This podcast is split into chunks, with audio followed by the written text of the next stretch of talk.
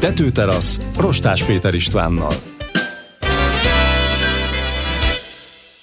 Jó estét kívánok! Egy hónap telt el, mióta becsengettek a közoktatásban, és ideje megvonnunk egyfajta átmeneti leltárt, vagy parciális vizsgát, hogyha felső fokú szinten fogalmazunk.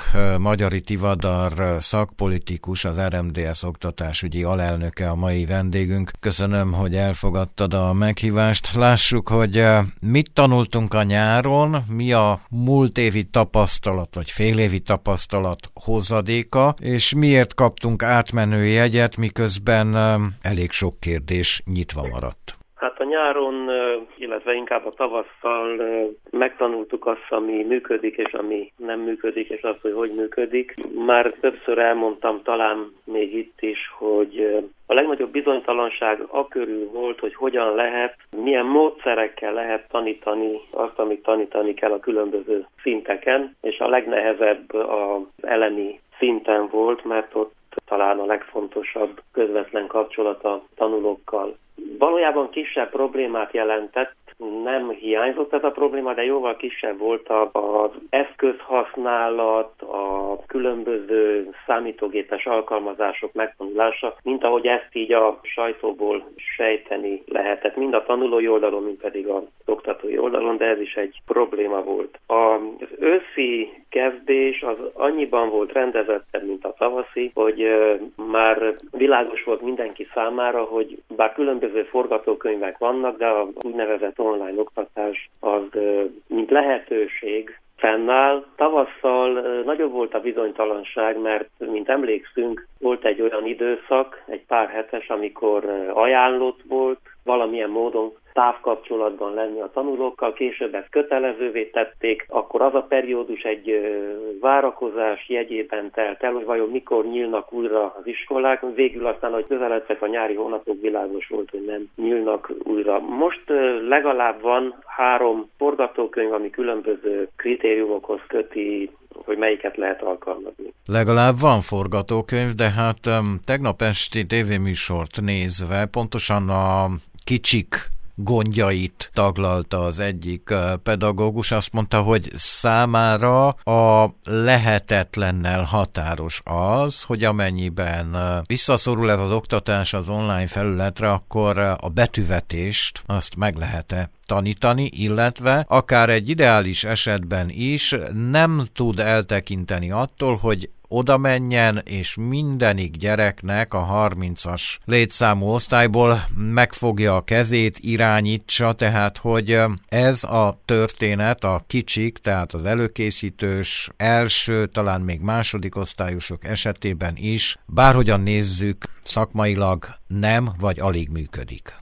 Igen, nem működik, ezt mutatja a tavaszi tapasztalat is, tehát az az első két-három év, az nem működik másképpen. Az online oktatás olyan tanulók esetében működik, akik a tanuláshoz szükséges készségeket már el sajátították. Vegyük észre azt, hogy egy ötödikes vagy egy hatodikos az írást, az olvasást, a telefonálást, számítógépes gépelést használja ahhoz, hogy tanuljon. Na most az elsős, meg a másodikos az pontosan ezeket az eszközöket tanulja még, tehát az írást, olvasást, és mondjuk a számítógép használatot is, bár az menet közben ugye ragad, ilyen tantárgyak is vannak, de végső soron menet közben ragad rá a gyerekekre. Ezért van az, hogy a, a zöld, illetve a sárga forgatókönyvben az iskolák mindenképpen a lehető legtöbb ideig, ameddig a járvány terjedési rátája engedi. Ezt most ennek a járványnak az esetében konkrétan a kéthetes időtávra vetítve a tízezer lakosra jutó átlagos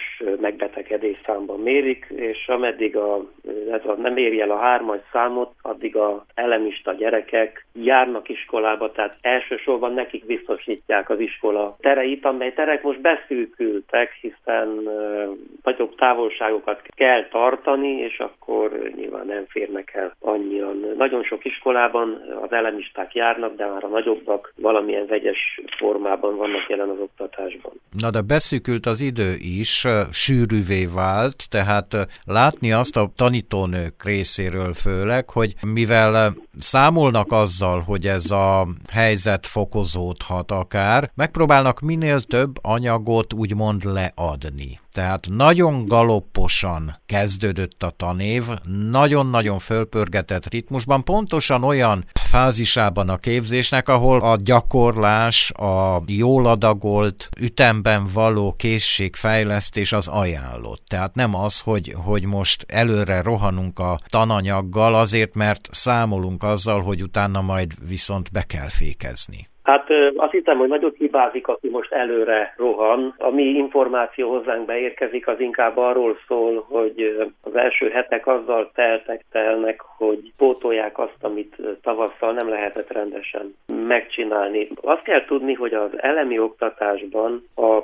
második osztály végére, azaz a harmadik tanév végére, ugye azért harmadik tanév mindenki értse, van egy előkészítő év, utána az első osztály, és aztán a második osztály, összesen három. Tehát a harmadik tanév végére, azaz a második osztály végére el kell jutni bizonyos szintig. Ez valahol egy ilyen választó vonal, tehát addigra a tanítók tudják jobban, mint én megfogalmazni, addigra kell tudni olvasni, írni, addigra már a magyar gyerekek a román betűket is ismerik. A négy alapműveletet nagyjából bizonyos nagyságrendig tudni kell. Na most ezért haladni próbál mindenki úgy, ahogy lehet. Azon a véleményen vagyunk néhányan, hogy lehetne ezt késleltetni is. Tehát ezeket a határidőket nyugodtan ki lehetne tolni. Ilyenkor mindig azt kell végig gondolni, hogy van mégis idő elég, nyilván nem végtelenül sok. A gyerekek, akik most ellenisták, még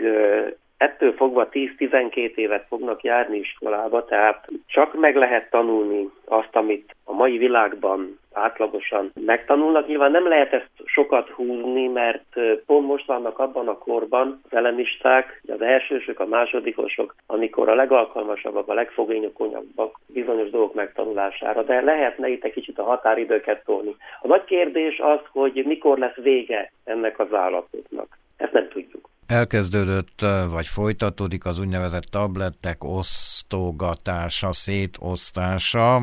Az én első benyomásom az, most ugye főleg Bukarest volt fókuszban, hogy miért pont most, miért kellett eddig várni. Nyilván tudjuk közbeszerzés egyebek, de hát ezt a folyamatot rendszer szinten be lehetett volna indítani közvetlenül a tavalyi, illetve hát az elmúlt tanév végén, vagy a vége felé már, tudván, nyilván, hogy ez mégiscsak időigényes procedúra. Miért kell most kapkodni megint? Kérdem én szülőként, újságíróként, hírfigyelőként. Valószínű, hogy azért, amire utalnak is, hogy a közbeszerzési folyamat ilyen. A tankönyvek évi kiosztásából is tudjuk, hogy amennyiben a közbeszerzési folyamat nem indul be egy fél évvel a tanévkezdés előtt, tehát márciusban, akkor abból nem lesz közpénzből tankönyv. Ezt már évek óta tudjuk, és próbált is a minisztérium ezen dolgozni a tankönyvek esetén.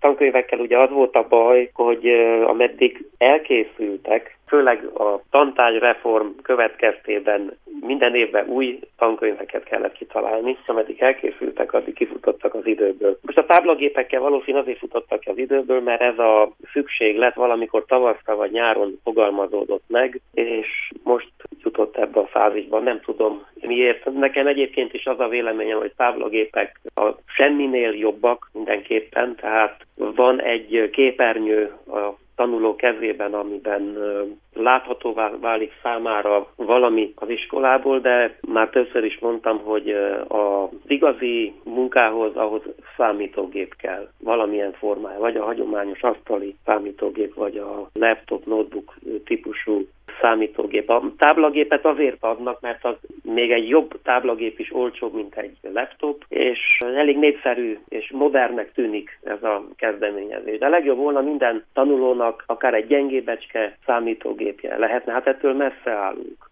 Nyilván a tanulók többségének már van otthon, most arra a elég széles kisebbségre gondolok, akinek nincs. Egy másik, ami kell a távoktatáshoz, jól működő, stabil, széles sávú internetkapcsolat.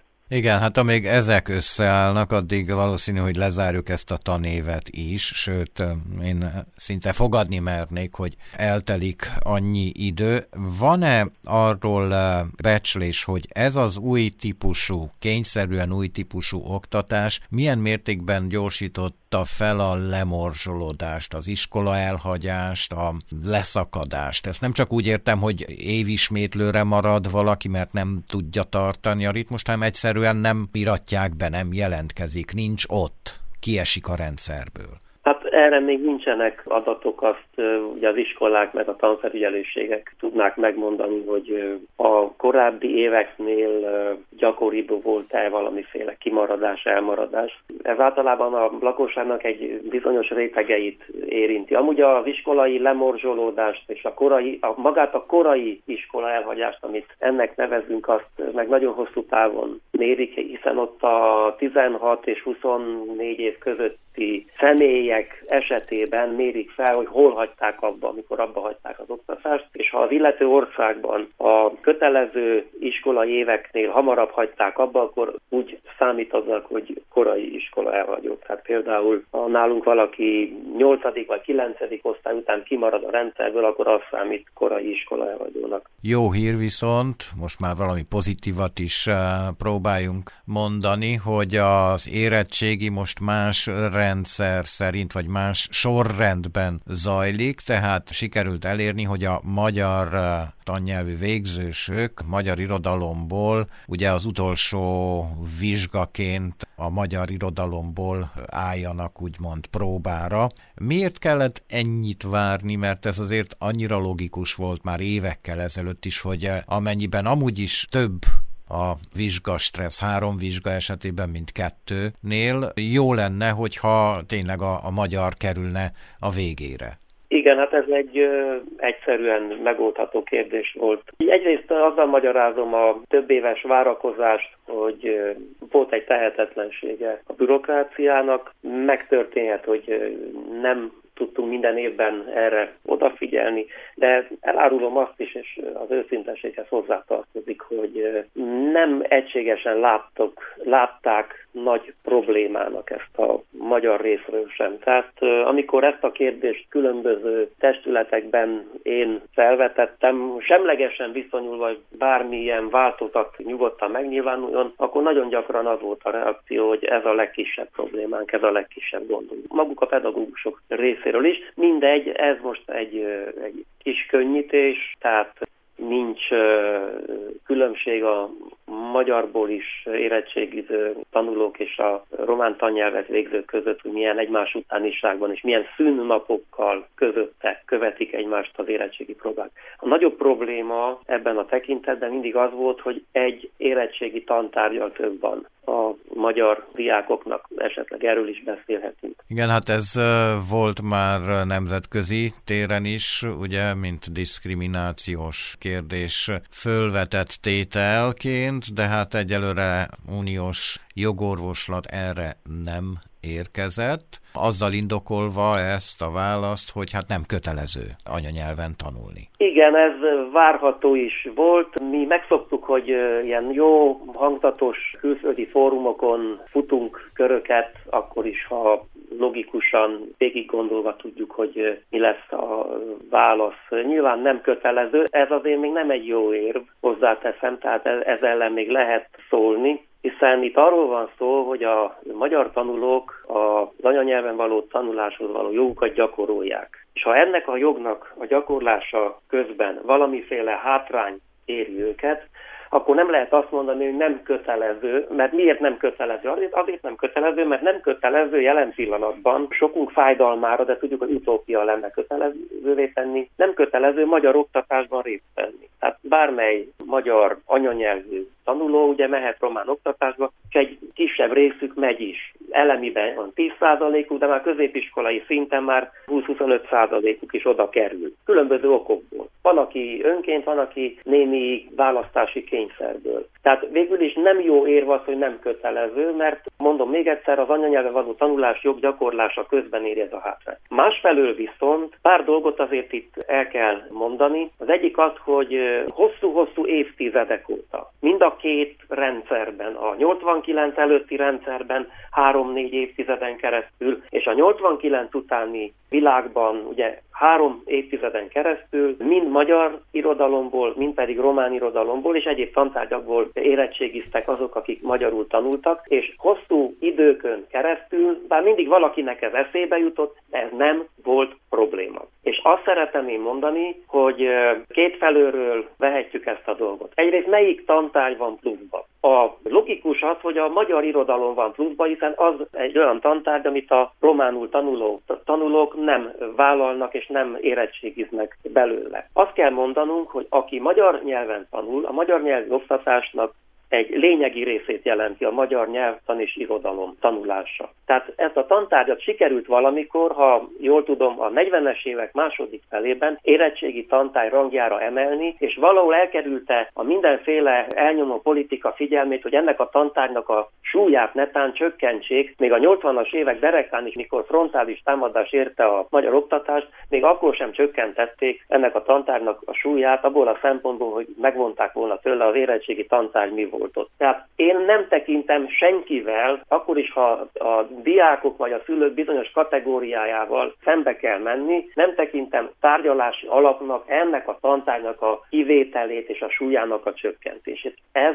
biztos. A másik kérdés az, hogy akkor a román irodalom érettségi van pluszba. Erről már tárgyalhatunk, mert sok szempontból meg lehet közelíteni. Lehet például azt mondani, hogy nincs pluszba, de jó lenne, ha a magyar anyanyelvűek egy másfajta román nyelv érettségit tennének. Lesz. Ez már egy politikai kérdés, mert ez igazából ez a követelés soha nem szerepelt benne abba a csomagban, milyen oktatási követelésekkel tárgyalta a magyar érdekképviselet az oktatási jogokat. Tehát ez nem nagyon szerepelt, ez most nehéz lesz bevinni a csomagba, ez egy tárgyalási, technikai, taktikai kérdés. Tehát én ezt a problémát nem látom másképp megoldhatónak, mint az, hogy általában a terhek a középiskolásokon csökkenjenek, a magyar anyanyelvek, akik magyar nyelven tanulnak, másképpen tanulják a románt, és talán ennek megfelelően egy másféle érettségit is tegyenek románból. Mert 50-60 éve magyarból is, románból is érettségiznek a magyar fiatalok, és generációknak nem jutott eszébe, hogy ez probléma lenne. Most viszont egy másik újdonság jelenik meg az oktatás terén, ez az úgynevezett veszélyességi pótlék, ugye, amiről megint megoszlanak a pedagógusi vélemények. Egyesek politikai számítást vélnek felfedezni a döntés mögött, és azt mondják, hogy hát eddig is tették a dolgukat, ezen túl is. Aki pedig nem tette, és mégis megkapja ezt a pótlékot, az meg továbbra sem fogja tenni. Tehát, hogy stimulensként, úgymond, ez nem kalkulálható be, vagy nem lehet ezt erre így tekinteni, erre a szándékra, erre az összegre. Lehet-e ezt egyáltalán morális kategóriákkal körülírni ezt a helyzetet, vagy egyelőre maradjunk abban, hogy tényleg egy kitett helyzetben vannak a pedagógusok, több munka, több törődés, és rengeteg szakmai és egészségügyi rizikófaktor bizonyára kitett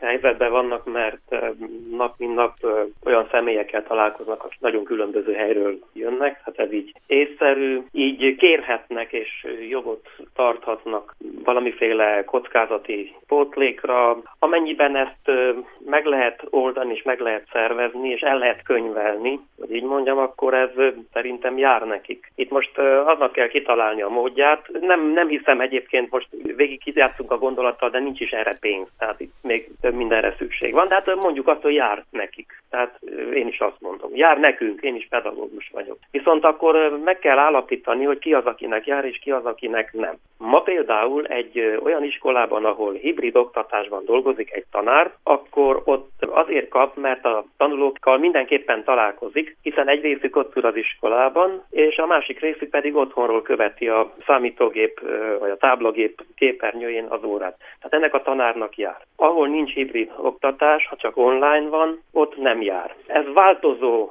dolog. Van olyan tanár, aki két iskolába tanít, egyikben hibrid oktatásban sárga forgatókönyv szerint, a másikban piros Azért, mert ugyanabban az iskolában ugyan nincs más járványügyi helyzet, azon a településen van, de a feltételek, a, a helyek mekkorasága nem teszi lehetővé. Vagy mondok más példát. Ha én az a saját személyes példámat. Ha holnap azt mondom, mikor osztják ezt a pénzt, hogy én tavasszal a diákjaimmal folyamatosan találkoztam, akkor aki nem hiszi, járjon utána. Holott nem találkoztam, tehát nem láttam őket március óta, tehát nekem nem járna ez a pénz. Azt már könyveltük valamelyest, hogy ki mit, mikor tanított, milyen platformot használt, mit küldte. Jobban könyveltük, mint mikor tankterembe tanítottuk, tehát akkor nem érdekelt a kutyát sem. De azt már nehezebben lehet majd kibogozni, hogy kinek mennyi, hogy jár. Ha nagyon összeadjuk a dolgokat, akkor most ősztől szinte mindenkinek jár. Ilyen, tehát szinte alanyi jogon lehet adni ezeket, kivéve azt a néhány száz, most már lassan ezres nagyságrendű iskolát, ahol piros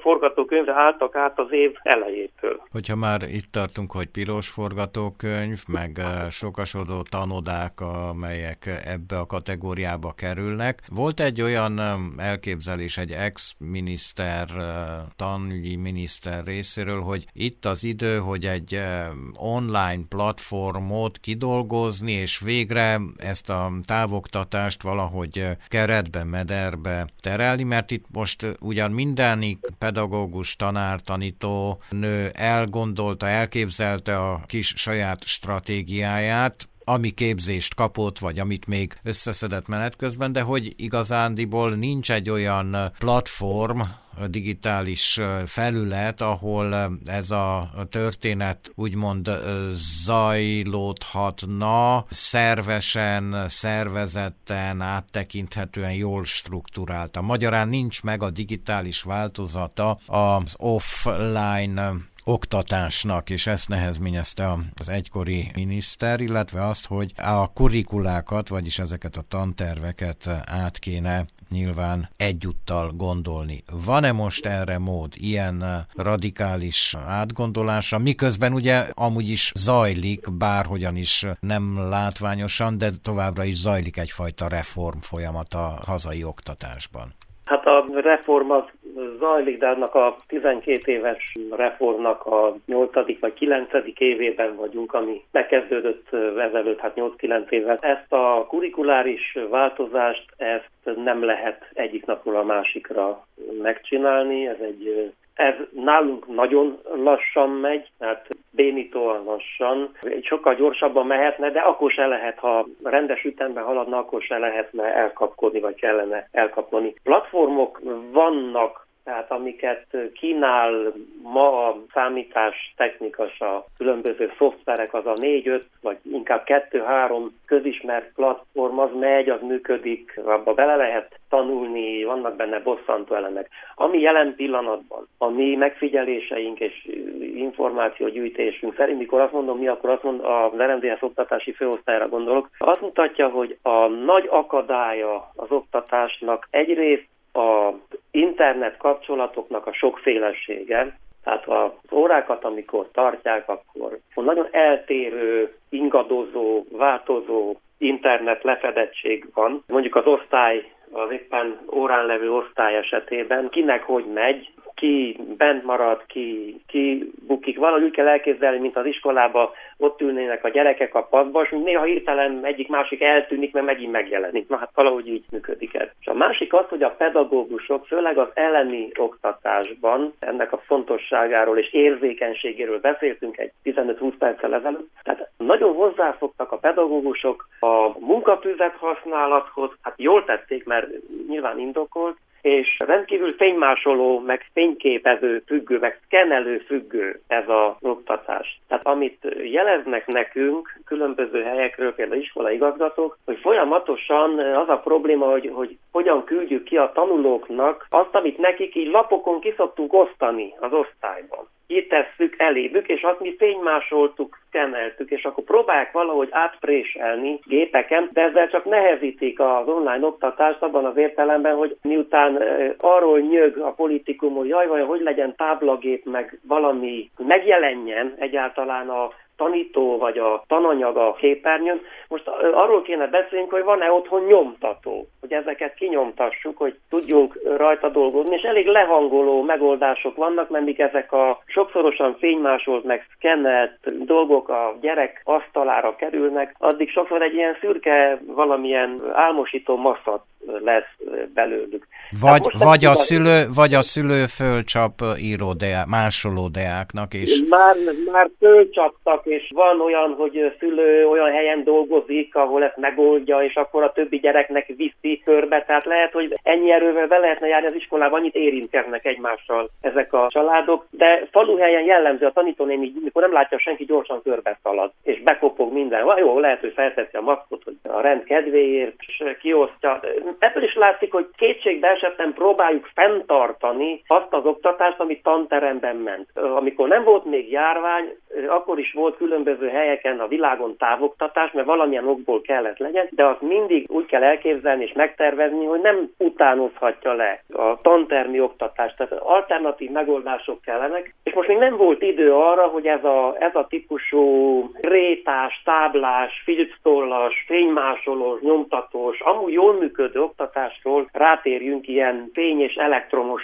dolgokra. Egyetlen egy kérdés még így a beszélgetésünk zárása előtt, hogy lehet-e ezt a nyomást a rendszerre, és itt most a rendszert a tanulódiák, a szülő, a pedagógus egyaránt része ennek a rendszernek, tehát ezt a határidőre vagy évvégére teljesítendő, úgymond leadott, felvett, megtanult, elsajátított anyag nyomását esetleg úgy lazítani, vagy fölpuhítani, hogy amit a beszélgetésünk során fölvetődött, hogy egy kicsit mindig áttolni valamit a következő évbe, illetve valahogy, a, ha ideálisan úgy tekintjük, hogy ez lezárul jövőre ez a járványügy, akkor úgy szűkíteni talán a vakációkat jövő évtől, tanévtől, hogy ott behozni. Tehát ne az legyen, hogy íme maradt egy ballaszt, maradt egy nagy adag, vagy jó adag tananyag, amit nem sikerült leadni, felvenni, és akkor begyömöszöljük a következő 21 őszén startoló tanévbe, hanem hogy ott egy picit elnyújtani, talán kevesebb vakációt egy-egy héttel lecsippenteni, és akkor nincs az a az a kényszer, az a nyomás, az a stressz, ami egyébként nagyon valószínű, hogy, hogy elő fog fordulni. Ami fontos lenne mindenképpen, hogy valahogy átütemezni, ez egy szakmai kérdés, tehát ezt nem tudjuk, én itt nem tudom megmondani, de majdnem biztos, hogy át kéne ütemezni, hogy ne ugyanazzal az időtávlattal dolgozzunk a megváltozott körülmények között, főleg az elemi oktatásban, mert már feljebb a középiskolai és egy egyetemi oktatásban ez megoldható, ott egy radikális tananyagcsökkentés kéne, tehát valahogy az érettségit megoldani, úgy, ahogy az idén is sikerült. Amit a pedagógusok jeleznek és be tudtunk gyűjteni már most ezen az őszön információ, az nagyon egyértelműen arról szól, amit ők ugyan többféleképpen fogalmaznak meg, de én így foglalhatom össze. Az a fél év, ami a tavasztal nem is veszett el teljesen, de mondjuk lemaradást hozott, az most még bepótolható. A kérdés az, hogy lesz-e még egy ilyen fél év. Tehát azt szokták mondani a tanítók, hogy az, ami volt márciustól szeptemberig, az látványosan megállította a gyerekeket, és újra kellett bizonyos dolgokat kezdeni, de úgy néz ki, hogy hetek, hónapok alatt simán ledolgozható és utolérik magukat. Csak még egy ilyen fél év ne legyen, mert akkor már nem lehet tudni, hogy mit csináljanak, és akkor nyilván ki kell találni a megoldást. Amíg a megoldást kitaláljuk, addig eh, elköszönök Magyar Tivadartól a szakpolitikus majd vissza fog térni itt a tetőteraszra, hiszen a tanítás, a az oktatás, egyáltalán a hazai közoktatás kérdése az mindannyiunkat érint. Lesz még vakáció, lesz alkalom ezeket átgondolni, de hát nyilván továbbra is a fókuszban marad az oktatás, a közegészségügy mellett. Ez a két fontos téma, ami most mindannyiunkat leginkább érdekel. Köszönöm még egyszer, hogy itt beszélgethettünk erről a tetőteraszon. Szívesen viszont hallásra. A hallgatóknak pedig a figyelmet köszönöm. Rostás Péter Istvánt hallották, holnap 6 óra 5 perctől szintén tetőterasz ugyancsak a Kolozsvári Rádióban. Töltsék kellemesen az estét.